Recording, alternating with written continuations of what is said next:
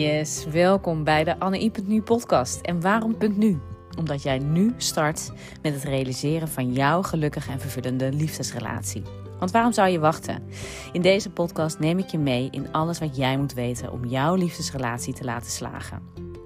En ik laat je ervaren hoe dit van invloed is op alle gebieden in jouw leven. Op de eerste plaats natuurlijk van jouw eigen leven, die van je partner en uiteraard die van jullie samen. Maar denk ook aan de invloed die het heeft op jullie kinderen, je gezondheid en je business. Je bent een high performer. Iemand die het maximale uit je leven wil halen. Je hebt bijvoorbeeld een voorbeeldfunctie. Je bent ondernemer, leider of manager en het gaat goed op veel gebieden. Maar jouw relatie loopt niet zoals jij wil. En dit is ook best logisch. Hier wordt echt wat anders van jou gevraagd.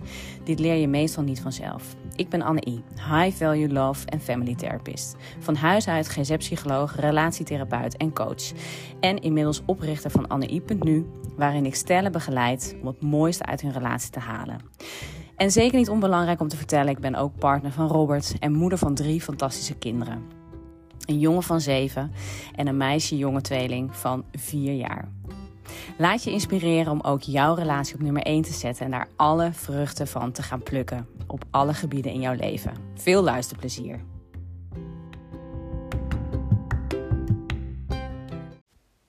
Yes, welkom. Wat leuk dat je weer luistert.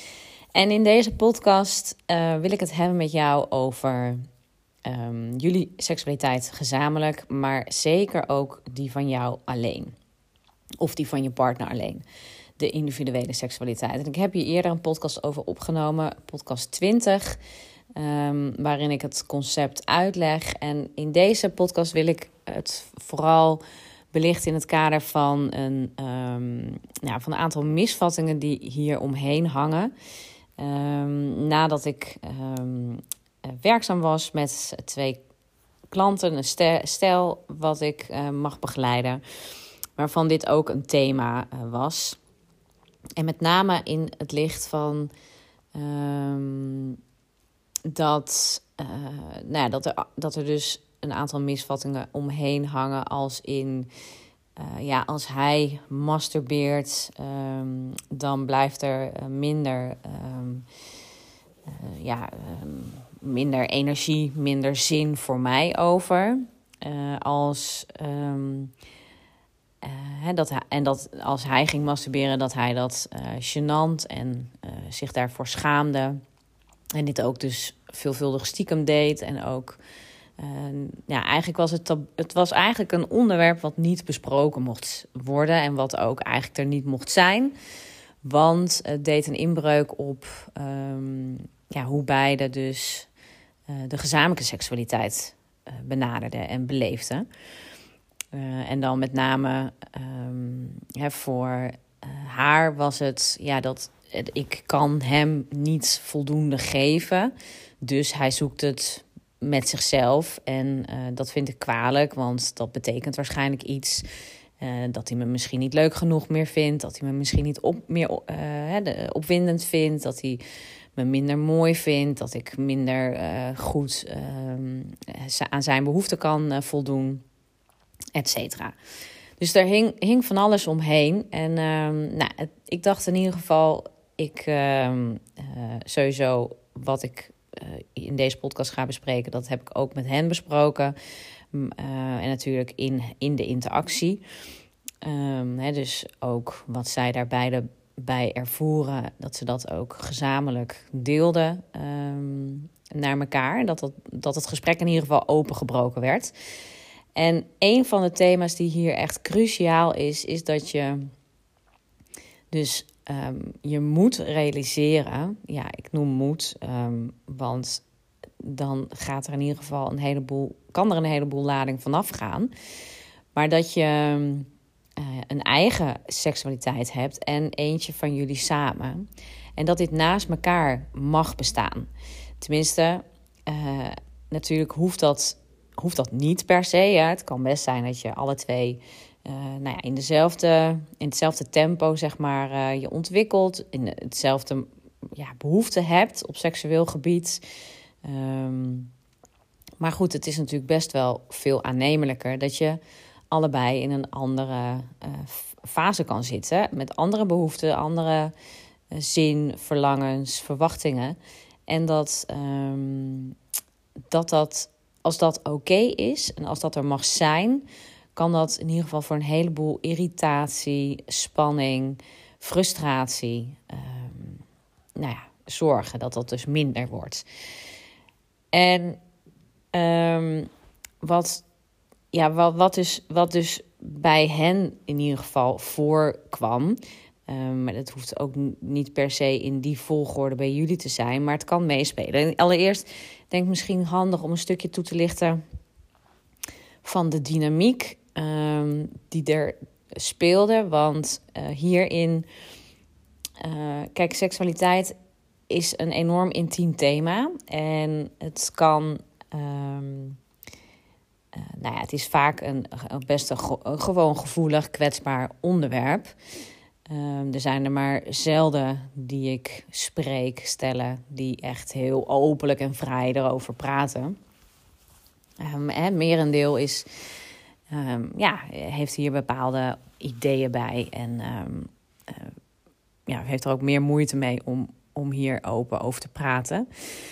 En wat belangrijk is, denk ik, voor jou, uh, mocht je, ja, je hebt natuurlijk op de titel gedrukt. de, de, de, um, en waarschijnlijk heeft het jou aangesproken.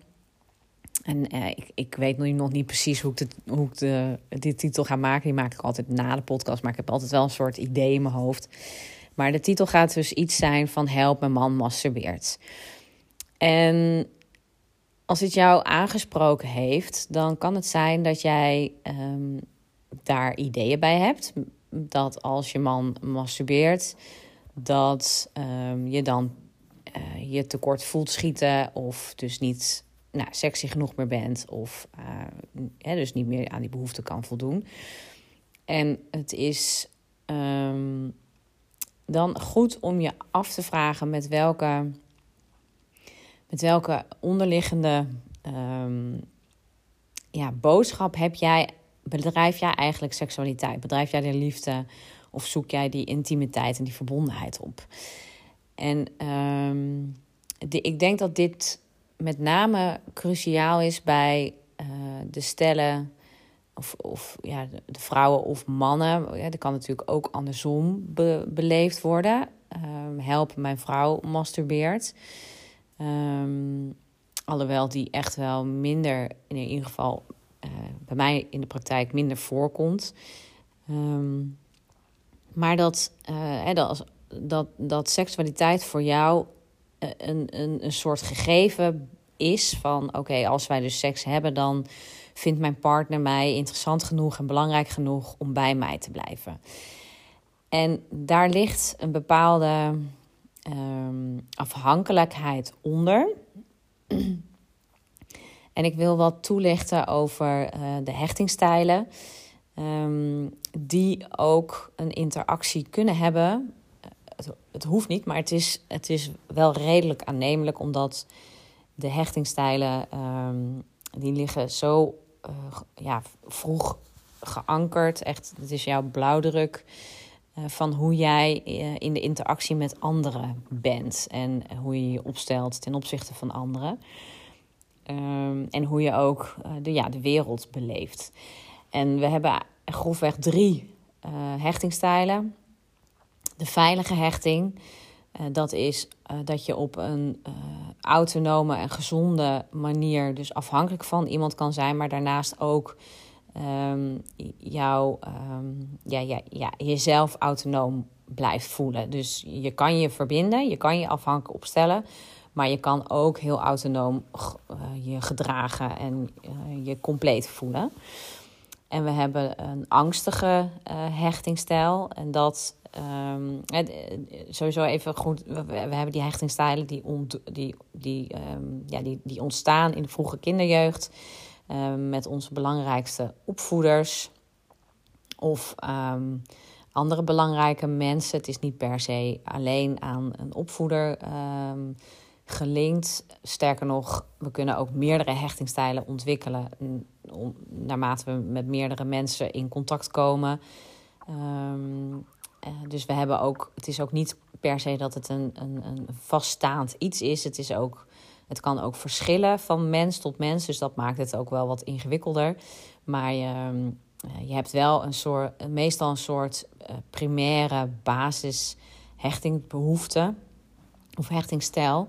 En die doe je uh, veelal op met jouw belangrijke opvoeders, dus jouw ouders. Uh, en als je vader heel veel afwezig was, dan doe je dat met name meer met je moeder op. En als je moeder meer afwezig was, met je vader.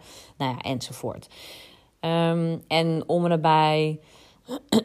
nou, 50 tot 70 procent van de mensen is ongeveer veilig gehecht. Dus die, die kunnen vrij, um, als kind zeg maar, heb je dan vrij kunnen exploreren. Uh, en, maar wist je ook dat als je hulp nodig had, of als je uh, getroost moest worden, of er moest even verzorgd worden voor jou, dan uh, was die ouder daar op een, op een meeste tijd. Want hier gaat, geldt ook, het is niet altijd, maar het is in, in de meer, meerdere mate hebben jouw ouders daarin een correcte respons gegeven. Als in pleister erop, ik troost je, kom hier, in je kom even in mijn armen. Nou, zo'n soort. Of even zitten op latere leeftijd, even praten ergens over. Nou, emotioneel verbondenheid. En als je wat minder veilig. Um, de, de, de, de twee andere uh, veel voorkomende hechtingstijlen zijn angstig, angstige hechting. Stijl uh, en de vermijdende hechtingstijl. En de angstig hechten, uh, um, de angstig, ehm, angstige hechtingstijl is met name wordt die ontwikkeld wanneer je als uh, kind um, um, ja, ja, je eigenlijk, uh, het, is on, het is eigenlijk onzeker of je getroost wordt. Dus jouw coping, eigenlijk heb je een bepaalde coping ontwikkeld als uh, kind. Dat je dus dan maar in de buurt van jouw um, primaire opvoeder blijft. En hem of haar in de, goed in de gaten houdt. Omdat je dan het grootste uh, nou ja, de, grootste kans hebt om gesteund te worden. Alhoewel dat natuurlijk een. Uh, uh, nou, niet, dat, dat werd in dus meer van die gevallen niet correct beantwoord.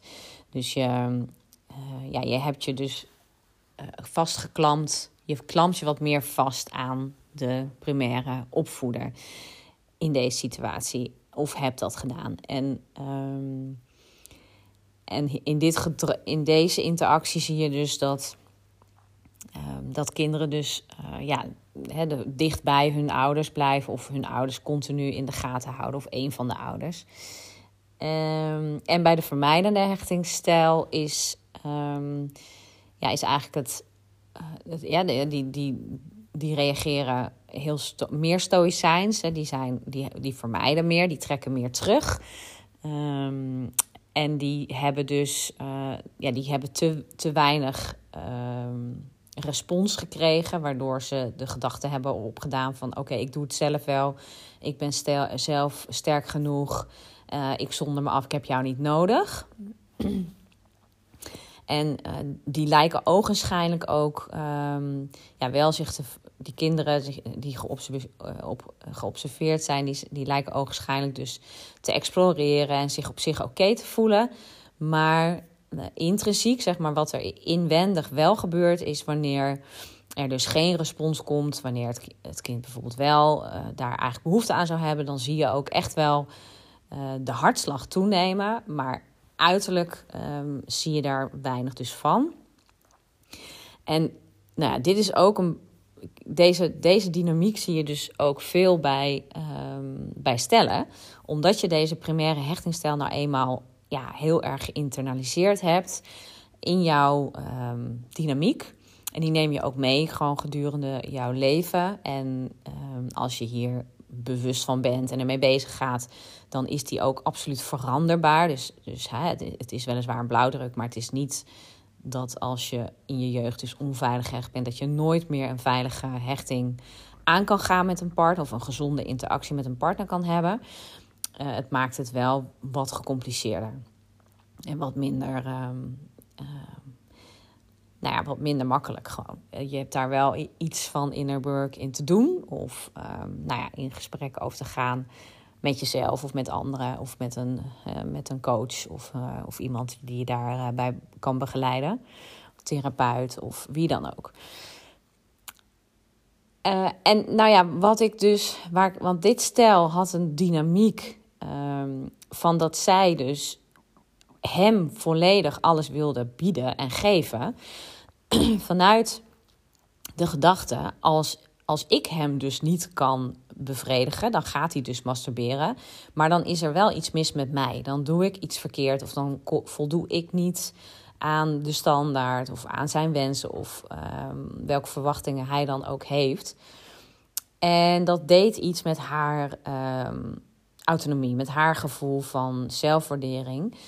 En ik vroeg haar dus van ja, wat, waar, waar staat dat dan voor? Wat betekent dat voor jou als dat dus gebeurt? En dat, uh, dat hij dus inderdaad masturbeert naast dat hij ook uh, een seksuele relatie met jou heeft. En, hè, want er was, er was ook uh, gezamenlijk seksualiteit. En het raakte bij haar dus een stukje van deze, um, ja, van de, wat, de meer angstige hechtingstijl. En dus dat zij uh, ja, de betekenis geven voor haar was dat zij dus ja, daar zich onzeker en niet goed genoeg bij voelde. En dat dat voor haar pijnlijk was om te ervaren dat als hij dus um, ja, met zichzelf uh, uh, ja, aan de slag ging. En, en bij zichzelf uh, zijn eigen behoeften ging bevredigen. En, en toen kwamen we dus bij de hechtingstijl van hè, bij haar dus wat angstige hechtingstijl. En, en dit natuurlijk ook naar aanleiding van het hele interactiepatroon. Want vaak zijpelt dit echt wel weer meer door op andere gebieden ook. Hè, dat we. Um, als, je dus, als je dus wat angstiger gehecht bent, of, uh, en dan wil je het graag goed doen, dan heb je dus heel veel oog voor wat die ander belangrijk vindt. Dan wil je ook veel geven. Um, maar dus ja, dan is er in die, in die uh, balans met in hoeverre je dus um, ja, die ander in de gaten houdt, maar eigenlijk jezelf wat meer uit het oog verliest, is dus um, ja, uh, een beetje zoek. Hè? Dat is niet, niet volledig in balans. En de een heeft er natuurlijk helemaal geen last van, um, maar nou, in het geval van haar was dit, zorgde dit wel voor een bepaalde druk en spanning op dus hun relatie. En nou was die masturbatie, die, dat, dat bracht uh, dit stuk naar voren. Um, en toen nou ja, hebben we het daar natuurlijk over gehad. Maar met name ook dat, dat als je dus... Kijk, het is als, hè, als je je goed beseft dat je natuurlijk allebei een seksuele uh, relatie hebt. Dus een gezamenlijke relatie, gezamenlijke seksuele relatie ook hebt. Maar dat je daarbij ook allebei een autonoom en individueel eh, persoon bent met een eigen individuele seksualiteit en een eigen behoefte hierin. En dat dat losstaat van um, ja, welke um, en welk oordeel bijvoorbeeld de ander uh, dan heeft. Hè? Dus, dus het, het mag naast elkaar bestaan. En als je dat echt kan integreren en los kan zien van, oh, dat zal dan een, een interactie en een effect hebben op mij of op de relatie. Uh, ja, dan, ga, dan kan dat enorm veel druk van de ketel halen. En dus aan, aan jou de vraag van hoe, um, ja, in hoeverre, ja, misschien ben jij ook wel het type dat bijvoorbeeld eigenlijk stiekem uh, masturbeert of uh, porno kijkt of uh, seksuele verhalen leest. Of nou ja, welke variant je dan ook toepast wanneer je voelt: hé, hey, ik, eh, ik, ik heb ergens behoefte aan. Um, en, en mag dat er dus eigenlijk niet zijn? Of welke gedachten heb jij daar dus bij? Hè? Voel je je dus gegeneerd? Um, ja, hoorde dat eigenlijk niet? Ben je opgegroeid met zoiets hè, seks is bijvoorbeeld alleen voor jouw partner met stellen. Uh, um, ja, uh, aan stellen voorbehouden of met iemand anders. Hè, dat, dat, je, dat je zelf nog bepaalde uh, behoeften hebt. dat is eigenlijk maar gek. Of dat hoort niet. Of, nou ja, dat, en dat je daar misschien een bepaalde schaamte over hebt. Um, Maar wat nou als je je realiseert: oké, maar dit is dus eigenlijk helemaal niet gek. En als ik dus masturbeer, dan doet dat helemaal geen afbreuk aan de relatie die ik heb met mijn partner. En, en dus ook niet aan de seksuele relatie die ik heb met mijn partner. En kijk, ik, ik denk ook niet per se, je hoeft dat ook niet allemaal uh, enorm hè, uh, in geuren en kleuren te vertellen of iets. Maar uh, ja, dat je weet dat je partner bijvoorbeeld dat wel doet.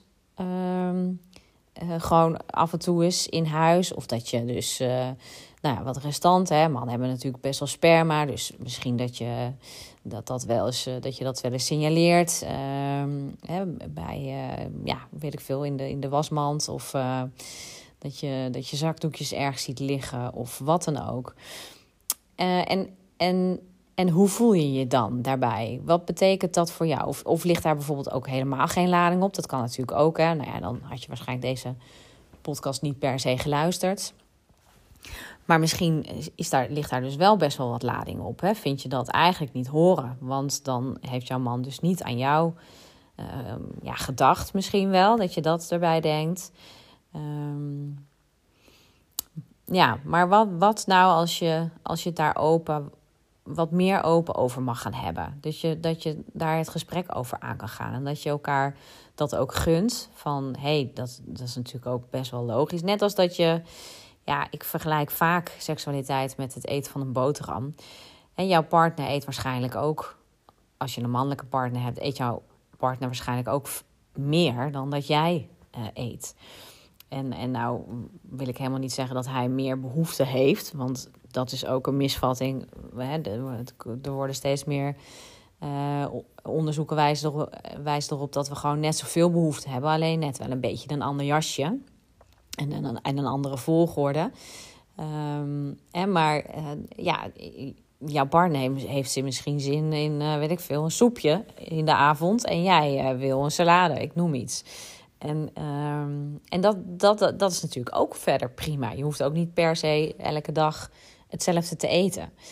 En dat, dat gaat gewoon niet gelijk op. Dus we hebben, uh, nou ja, dus ik zou echt willen kijken of jij met je partner het gesprek kan aangaan met: hey, masturbeer je en wat doe je dan en waar geniet je van en, uh, en waarom doe je dat? Wat is daar voor jou uh, de betekenisgeving van? Um, nou ja, naar welke welke, welke intentie, welke uh, frequentie, uh, hoe ziet het eruit? Uh, denk je dan wel eens aan mij?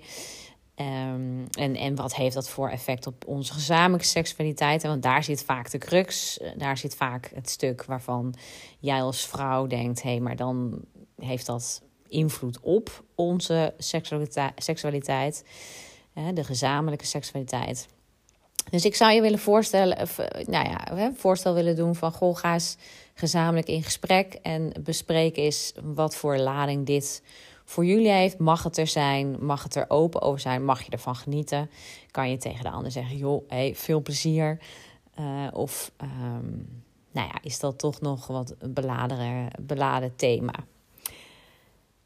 Alright, hey, ik hoop dat je er wat mee kan. Um, dat je er iets aan kan hebben. En um, ja, ik vind het altijd heel erg leuk uh, om te horen uh, of je er iets hebt um, uitgehaald uit de podcast. Of dat je ja, het, het, met je partner bijvoorbeeld besproken hebt. Ja, zou, zou je het me dan willen laten weten? Dat zou ik heel tof vinden. Stuur me dan een eh, DM bijvoorbeeld via Instagram of LinkedIn. Um, of stuur me een mailtje naar um, www.info.annei.nu. En uh, nou, leuk van jou te horen. En als je deze podcast uh, ook nou, waardeert, dan zou ik het heel tof vinden als jij de podcast 5 sterren wil geven. Dat kan in jouw podcast-app. Uh, en dan komt die ook bij anderen uh, sneller in de lijst, zodat ook zij daar wellicht wat aan kunnen hebben. Um, en mocht jij nou denken van hey, ik uh, zou wel willen kijken of wij samen kunnen werken met jou.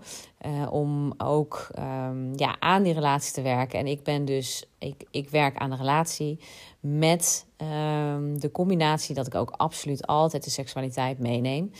Uh, mijn inziens gaat dit niet los van elkaar.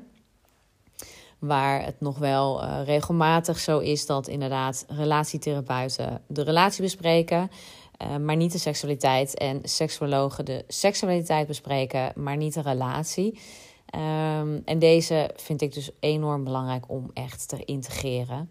Omdat gewoon in nou ja, 99% van de gevallen is het zo dat je een seksuele relatie hebt met je partner en dat dit ook exclusief is voor je partner, dat is in minder van de 99% van de gevallen.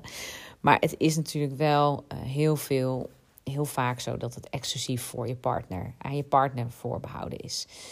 Um, dus een belangrijk thema. En überhaupt is het een, gewoon een cruciaal thema uh, voor uh, jouw algehele gezondheid. Dus uh, nou ja, mocht je daar geïnteresseerd in zijn, dan um, ja, boek dan even een call. En dan kunnen we altijd kijken um, ja, of we eventueel kunnen samenwerken. Maar dan uh, kan ik jullie in ieder geval ook altijd een perspectief geven voor wat ik zie en um, wat er zou kunnen plaatsvinden dan. Dus schroom niet, let me know. En uh, sowieso tot in de volgende podcast. Doeg!